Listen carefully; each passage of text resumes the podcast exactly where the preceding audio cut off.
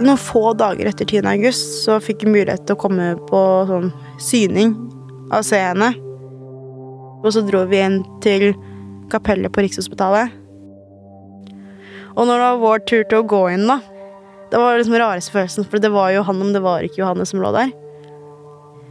Hun har et plaster på panna, og hun har sydd litt De har sydd et lite sår på kinnet hennes, og så har hun et svært blåmerke på et av øynene. Det var noen som måtte ga henne en klem og holdt litt i hånda hennes, jeg, jeg klarte ikke å ta på henne. Først når vi dro, da, det var da jeg begynte å føle meg skikkelig dårlig. Så da måtte jeg bare rett hjem og legge meg i senga. Og på den tiden så visste vi jo ikke at hun hadde blitt skutt tre ganger i hodet og én gang i brystet.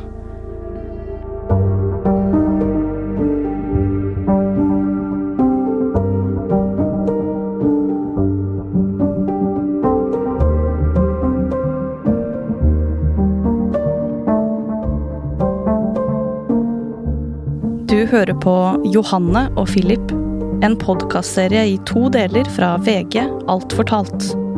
Jeg heter Ingeborg Huse Amundsen. Episode to 10. august. Philip Manshaus ble radikalisert i løpet av et par år. Men steget fra at han hadde høyreradikale tanker, til at han ville utføre et terrorangrep og drepe sin egen søster, var kort. Det tok ham bare noen dager. Og samtidig som at hans ytringer ble mer ekstreme og konkrete, så ble omgivelsene hans mer og mer bekymra og klare for å gjøre noe. I dagene og timene før angrepet foregikk det et slags usynlig kappløp mellom Philip Manshaus på den ene sida og Johanne, familien og hennes venner på den andre.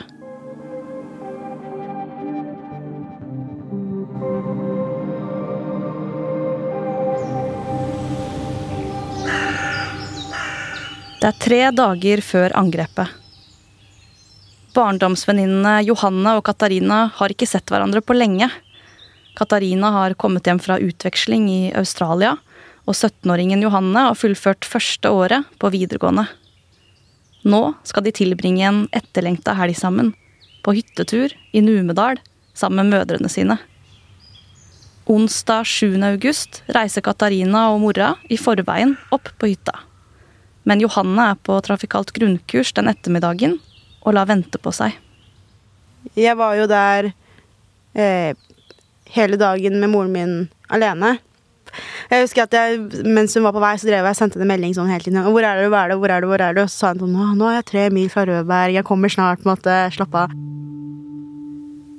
Da Johanne omsider kommer fram på hytta, bestemmer venninnene seg for å overnatte på Hemsen. De blir liggende og prate utover natta. En av mødrene må på et tidspunkt rope fra etasjen under at nå må de legge seg for å sove. De skal på fjelltur dagen etter. Men Johanne og Katarina har så mye å snakke om. Eh, og da starta spurte vi jo liksom hvordan, hvordan har det gått med deg, og hva har du gjort i det siste? Først litt sånn jenteprat og, og om hvordan det gikk, og hvordan vi hadde det, ja. og sånn. Og så Jeg tror jeg liksom spurte henne om hvordan går det hjemme. Eller hvordan går det med familien din? Og da ble jeg på en måte Da gikk samtalen veldig raskt ned til et veldig sånn dystert uh, uh, Hele måte Johanne ble veldig sånn litt sånn sammentrukken og mista litt den gløden hun hadde da når hun snakka om de andre tingene. Og så sa hun Hun starta vel med å si at det er, vel, det er ikke så veldig lett å være meg hjemme. Uh, og så var jeg litt sånn Hva mener du nå? Og da sa hun sånn Philip hater meg jo. Johanne forklarer at han hadde begynt å komme med rasistiske kommentarer til henne. Og så husker jeg veldig godt at hun sa at hun var redd for at han skulle starte en masseskyting. Og jeg var liksom Det er ganske kraftig Det er en ganske stor ting å si da, om broren sin. Den sensommeren hadde det dukka opp ting på veggen på rommet til Philip Manshaus. Han hadde klippa ut artikler om masseskytinger og terrorangrep, og teipa det opp, skjult bak et norsk flagg. Bak det norske flagget gjemte han også et hakekors. Stemora oppdaga hemmeligheten bak flagget. Hun vurderte å ringe politiet, men lot 21-åringens far ta en prat med sønnen morgenen etter. Den samtalen virka å ha en tydelig effekt. Han tok utklippene ned. Og etterpå så fremsto han som veldig blid mot stemora. Det var påfallende, mener hun. Han var mye mildere i ansiktet, det var som om han hadde funnet en ro, skal hun senere forklare i retten. Sinnarynka var borte. Men på internett var Philip Manshaus en annen. Han har selv senere reflektert rundt sin egen radikalisering. Han har også sagt at denne radikaliseringsprosessen i stor grad skjedde på internett. Audun Bekkstrøm, Philip Manshaus forsvarer. Det var der han fikk eh, inputsen. Bak det norske flagget på rommet til Philip Manshaus hang det også presseoppslag fra nettet om terrorangrepet på New Zealand. Under fredagsbønnen 15.3.2019 gikk Brenton Tarrant til angrep på to moskeer i byen Christchurch. Kort tid før publiserte han sitt 85 sider lange manifest på nettet, inspirert av Anders Behring Breivik. Med et GoPro-kamera festa på hjelmen strømma han massakren direkte på Facebook. 51 personer ble drept, den blodigste dagen i fredstid i New Zealands historie. Manshaus leste manifestet til Tarrant og så videoen. Og det kulminerte jo på et vis med at han leste dette manifestet til eh, Brenton Tarrant da, på, på nettet. Og det leste han da en uke før uh, handlingene. Og det var da han opplevde at han fikk et slags kall da, til å handle via dette manifestet. I ukene før angrepet så har, har det sklidd helt over i, i, eh, i terrorisme og, eh, og høyreekstremisme. Det sier Harald Klungtveit, redaktør i Filter nyheter, som fokuserer spesielt på høyreekstremisme og nynazisme. Det er ingenting i nettaktiviteten hans som tyder på at han sjøl ønsker å utføre noe angrep før disse aller siste dagene og ukene før, før det smeller i bæret. Egentlig har Philip Manshaus planer om å etablere et småbruk og få kone og barn som han vil oppdra etter sine egne verdier. Men manifestet til Tarrant endrer alt, forklarer han senere i retten. Plutselig opplever han at han sitter i det han beskriver som et brennende fly. Han føler han må handle, og det raskt. Han vurderer først å kjøre en bil inn i folkemengden på Grønland i Oslo, men ser seg heller ut en moské i nærmiljøet. Han planlegger å gå til angrep på moskeen søndag 11. august, da det er muslimenes helligdag id, den store feiringa for å markere at fastemåneden ramadan er over. Det vil trolig være folksomt i moskeen denne dagen.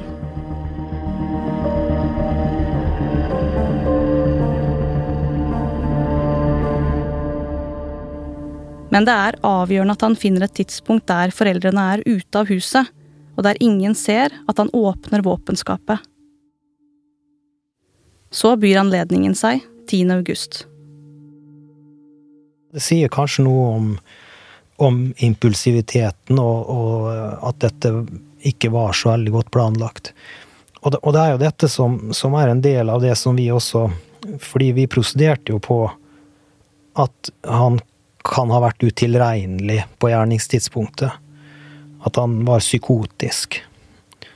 Eh, dette var noe som, som Philip Manshaus selv ikke var enig i at vi skulle gjøre. Han mente jo at han var tilregnelig, og at, at vi ikke skulle prosedere på utilregnelighet. Men vi valgte å gjøre det likevel. Eh, fordi det er en del momenter i dette som eh, Som framstår som merkelige, da. Eh, det er denne impulsiviteten i handlingene. Denne følelsen av at, eh, at han fikk et kall når han eh, leste dette manifestet. Det er jo sånn han beskriver det sjøl også, at det er en form for oppvåkning. Der han forstår i hans hode at han er nødt til å agere og gjøre dette raskt. Harald Klungtveit i Filter nyheter sier dette ligner radikaliseringsprosessen hos andre som har forsøkt å begå denne typen terrorangrep. Uh, og den, den, følelsen av hastverk er, er veldig sentralt i, i, disse prosessene. At man, man uh, blir fenga av ting som, uh, som, ikke bare oppfordrer deg til å gjøre noe, men at hvis vi ikke gjør noe nå, så, så kollapser verden, eller det, det siste sjanse, eller altså den type, den type tankesett.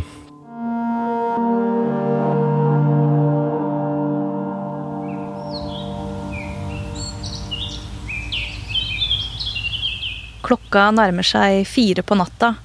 På hemsen på hytta i Numedal ligger fortsatt de to barndomsvenninnene og snakker. Johanne forteller mer om broren Philip Manshaus til Katarina. Um, og da sa hun jo at hun hadde funnet en skuddsikker vest i posten før hun dro på hytta. Uh, og så sa hun blant annet at han hadde gått mye på skytetrening i det siste.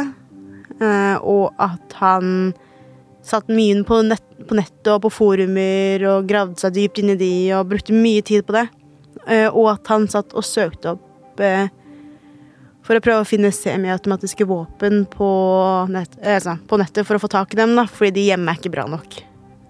For de er jo sånne man tydeligvis må lade selv etter hvert skudd. Hjemme i huset på Eiksmarka har nemlig Manshaus far flere lovlige jaktvåpen. På Hemsen snakker Johanne med en intensitet som ikke er vanlig for henne. Vanligvis så ville hun bare sagt ja, det går bra hjemme, selv om hvis de kanskje ikke hadde vært det. da. Men det her må tydeligvis ha satt veldig inntrykk på henne, siden hun selv fortalte alt sammen uten at jeg nødvendigvis tenkte å grave etter det. Men det endte jo med at jeg bytta tema eller noe sånt. Fordi jeg husker jeg, tenkte, jeg, husker jeg tenkte, satt der og tenkte at Philip er hjemme i Bærum. Det er, ikke, det er ikke noe han får gjort, det er ikke noe jeg får gjort. Eller du får gjort akkurat nå. Så nå kan vi bare liksom legge oss, og så kan vi stå opp i morgen og ha det gøy på hyttetur, og så tar vi det her når vi kommer hjem.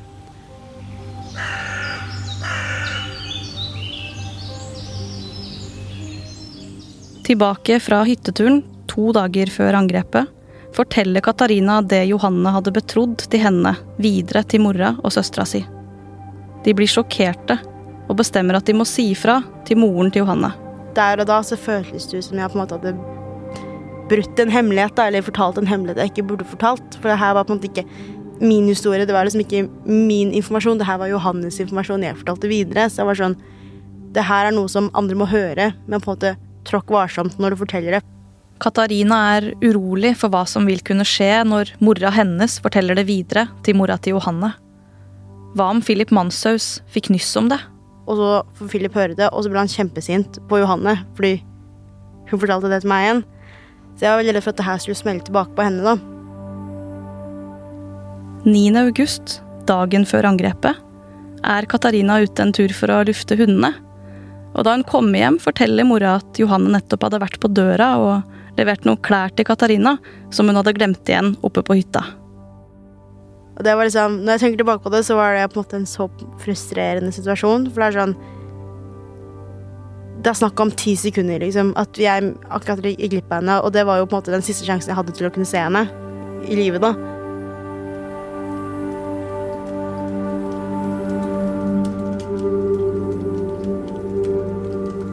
Det er lørdag morgen 10. august 2019. I den mørkmalte eneboligen på Eiksmarka setter Philip Manshaug seg ned for å spise frokost sammen med faren. Ute er det typisk norsk sommer. Det er 15 grader, regn i lufta og en svak vind. De blar litt i aviser og løser kryssord, før faren drar ut en tur. Etter frokosten låner Philip Manshaus stemoras elbil og kjører til Kiwi for å handle mel, pasta, makrell i tomat og knekkebrød. Han kommer hjem og går på kjøkkenet for å ta seg noe varmt å drikke. Der sitter stemora.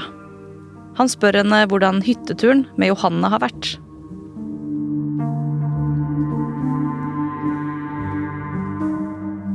Det han ikke vet, er at stemora har bestemt seg for å gjøre noe. Hun er fortsatt bekymra etter utklippene hun så på veggen på rommet til Manshaus. Men nå skal hun en tur til Drammen. Og like før hun går, kikker hun så vidt inn på rommet til dattera. 17-åringen ligger fortsatt og sover. Kvart over to reiser hun av gårde. Nå sprutregner det ute. Hun kjører i kø på E18. I Drammen møter hun mora til Katarina og en annen venninne. De drar på stamrestauranten Taj Mahal for å spise lunsj sammen. Praten dreier seg fort over på Philip Manshaus. Johannes mor forteller venninna at hun har bestemt seg for å varsle politiet om stesønnen. Hun har funnet fram telefonnumrene.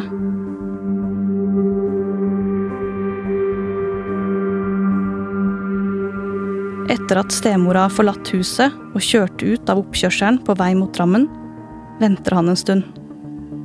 Så går Manshaus bort til en slags takluke ved kjøkkenet og finner fram en nøkkel som ligger gjemt der. Han låser opp farens våpenskap. Han tar ut to jaktrifler, en hagle og patroner. Han lader den 22-kaliber salongrifla med påmontert kikkertsikte og lyddemper og magasin for 15 patroner. Så går han inn på rommet til lillesøstera si, Johanne.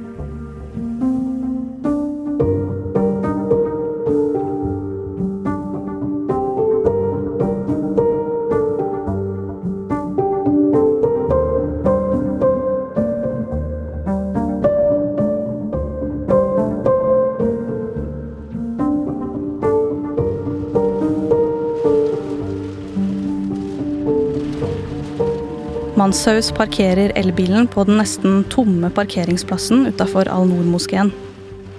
Planen er i gang.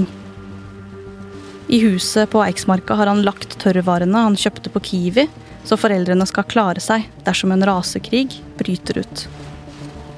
Han har på seg en tettsittende marineblå genser, grønne cargo-bukser og militærstøvler.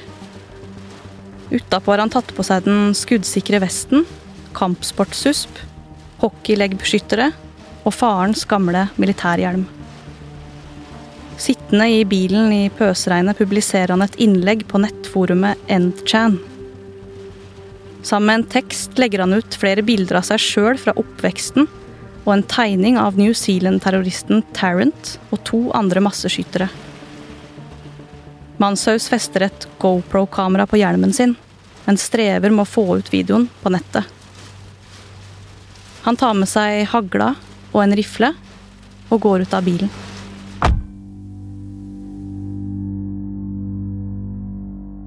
Samtidig er Katarina på ettermiddagsskift på en restaurant i Lier, hvor hun jobber. Hytteturen murrer i bakhodet mens hun går mellom bordene og serverer. Etter hvert setter hun seg ned for å ta lunsj. Og så åpna jeg telefonen min, og så gikk jeg inn på Snapchat. Og der ser jeg at en venninne av meg har posta en story. Og den storyen er jo da et skjermbilde av en VG-artikkel hvor det står 'skyting i, i en moské i Bærum'. En person er skadet og én er pågrepet etter en skyteepisode i en moské i Ringeriksveien i Bærum. Det melder politiet. Og vår reporter Andreas Løf, du er på stedet. Eh, hva er det du ser rundt deg? Rundt meg ser jeg en, at politiet er sperret av et eh, stort område. Og da var jeg sånn, jeg husker jeg satt der og bare frøs, liksom. Jeg tror jeg hørte hjertet mitt banke akkurat i det lille sekundet der, for det var sånn Jeg vet ikke, jeg vet ikke hva jeg tenkte engang. Liksom, alt i meg sa bare at det var Philip. Etter at hun har fått melding om moskéskyting, ringer Katarina til Johanne. Hun vil vite hvordan det går med henne. Jeg tenkte automatisk på hvordan går det med deg nå, stakkars deg, du starter på skolen, hva, hva med venn liksom, tenk, Jeg tenkte veldig langt frem i tid. Jeg tenkte sånn Hva hvis alle på skolen finner ut at broren din har skutt i en moské? Hva, hvordan kommer de til å behandle deg nå, på en måte? Og hvordan skal det gå med deg? Går det bra? Så fikk jeg ikke noe svar. Og så var jeg sånn Ok. Og så ringte jeg igjen, og fikk ikke noe svar. Og så tror jeg at jeg ringte sånn to-tre ganger til. Jeg sendte henne melding på Snapchat og, øh, og fikk ikke noe svar. Katarina ringer mora si, som sitter på Taj Mahal. Mora kommer og plukker henne opp, og sammen kjører de, med Katarinas søster, til huset på Eiksmarka. Der er Blindgata sperra av med polititeip. Det er politi og utrykningskjøretøy og et kobbel av pressefolk. Vi kommer oss ikke forbi. Så det ender jo med at vi er litt sånn Hva skal vi gjøre nå? Og så har vi fortsatt på den tiden her ikke fått noe kontakt med Johanne. Så vi bestemmer oss for å kjøre og lete etter henne. For det er ingen som politiet eller ingen har lyst til å svare på om hun er inne, eller om de vet hvor hun er. ikke sant? Kanskje Johanne har sett Philip Manshaus gå ut av huset med et gevær i henda, blitt livredd og fått panikk. Kanskje hun har gjemt seg. Da tenkte vi sånn, ok, ja, men hvor, hvilke steder er det Johanne føler seg trygg? Sånn, hvilket sted vil man, hun løpt uten å tenke over det?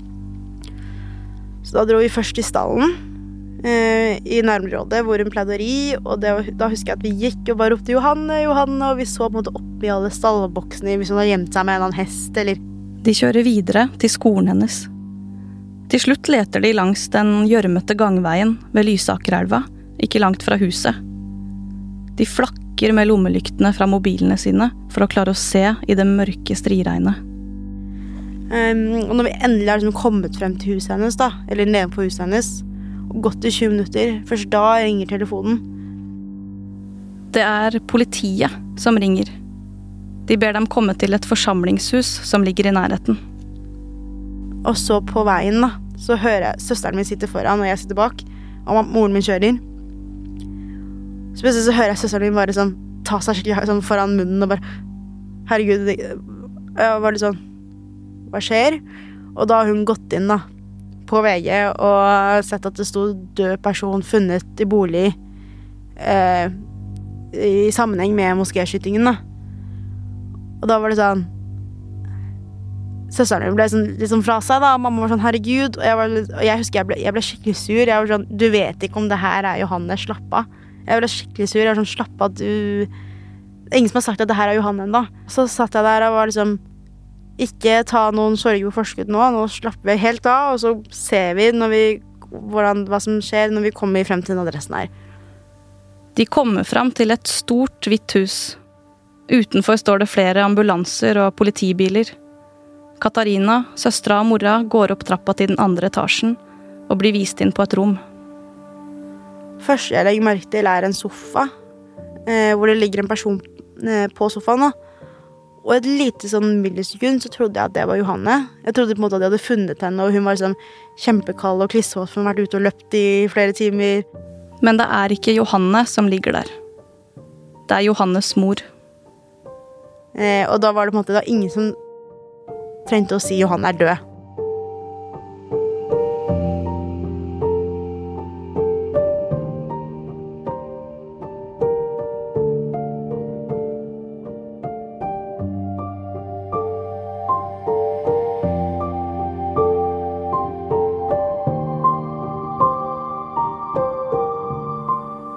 I mai 2020, over et halvt år etter drapet, møter Philip Manshaus opp i Asker og Bærum tingrett. Hva er ditt fulle og hele navn? Philip Manshaus. Ja, når er du født? 1997. 20. august. Tre rettspsykiatere erklærer ham tilregnelig, og Philip blir dømt til 21 års forvaring for drapet på Johanne og angrepet i moskeen. Han gir ikke uttrykk for anger.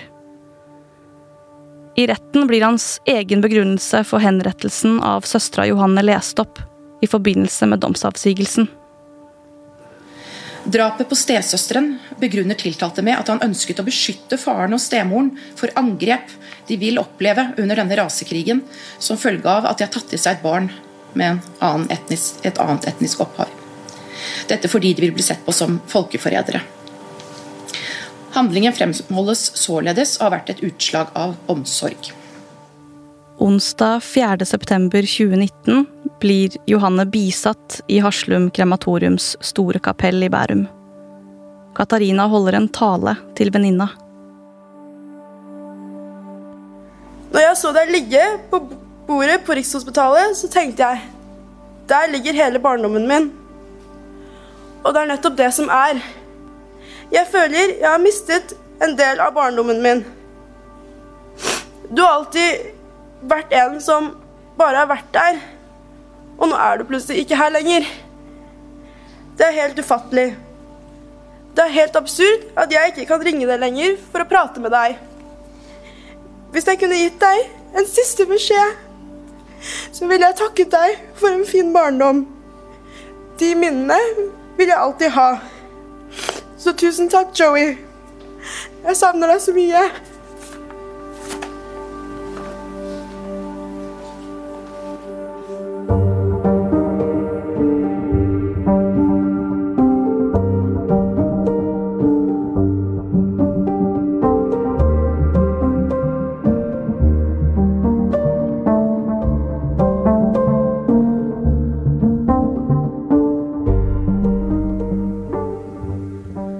Alt fortalt-serien Johanne og Philip er laget av Emilie Hall Torp, Askild Matre Åsarød og meg, Ingeborg Huse Amundsen.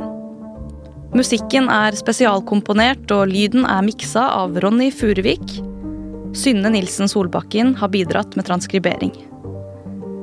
Denne podkasten er basert på bakgrunnssamtaler med titalls personer i omgangskretsen til Philip Manshaus og Johanne Sangjia Ile Hansen. Jeg har gitt Philip Manshaus tilbud om å kommentere beskrivelsene og utsagnene om ham som fremkommer i denne podkasten. Gjennom sin advokat sier Manshaus at han på nåværende tidspunkt ikke vil gi noen kommentarer eller stille til intervju. Mora til Johanne har fått høre podkasten før publisering. Faren til Philip Manshaus er også informert om podkasten. En rekke opplysninger stammer fra rettssaken og dommen mot Manshaus. Og jeg har også funnet nyttig informasjon som først er blitt kjent i reportasjer i Klassekampen og i Budstikka. Takk også til Katarinas søster, Alexandra Redisch, for all hjelp og viktig bidrag. Promovideoen er produsert av Hanna Kristin Jardar og Gøran Bolin. Ansvarlig redaktør for Alt fortalt og for denne serien er Gard Steiro.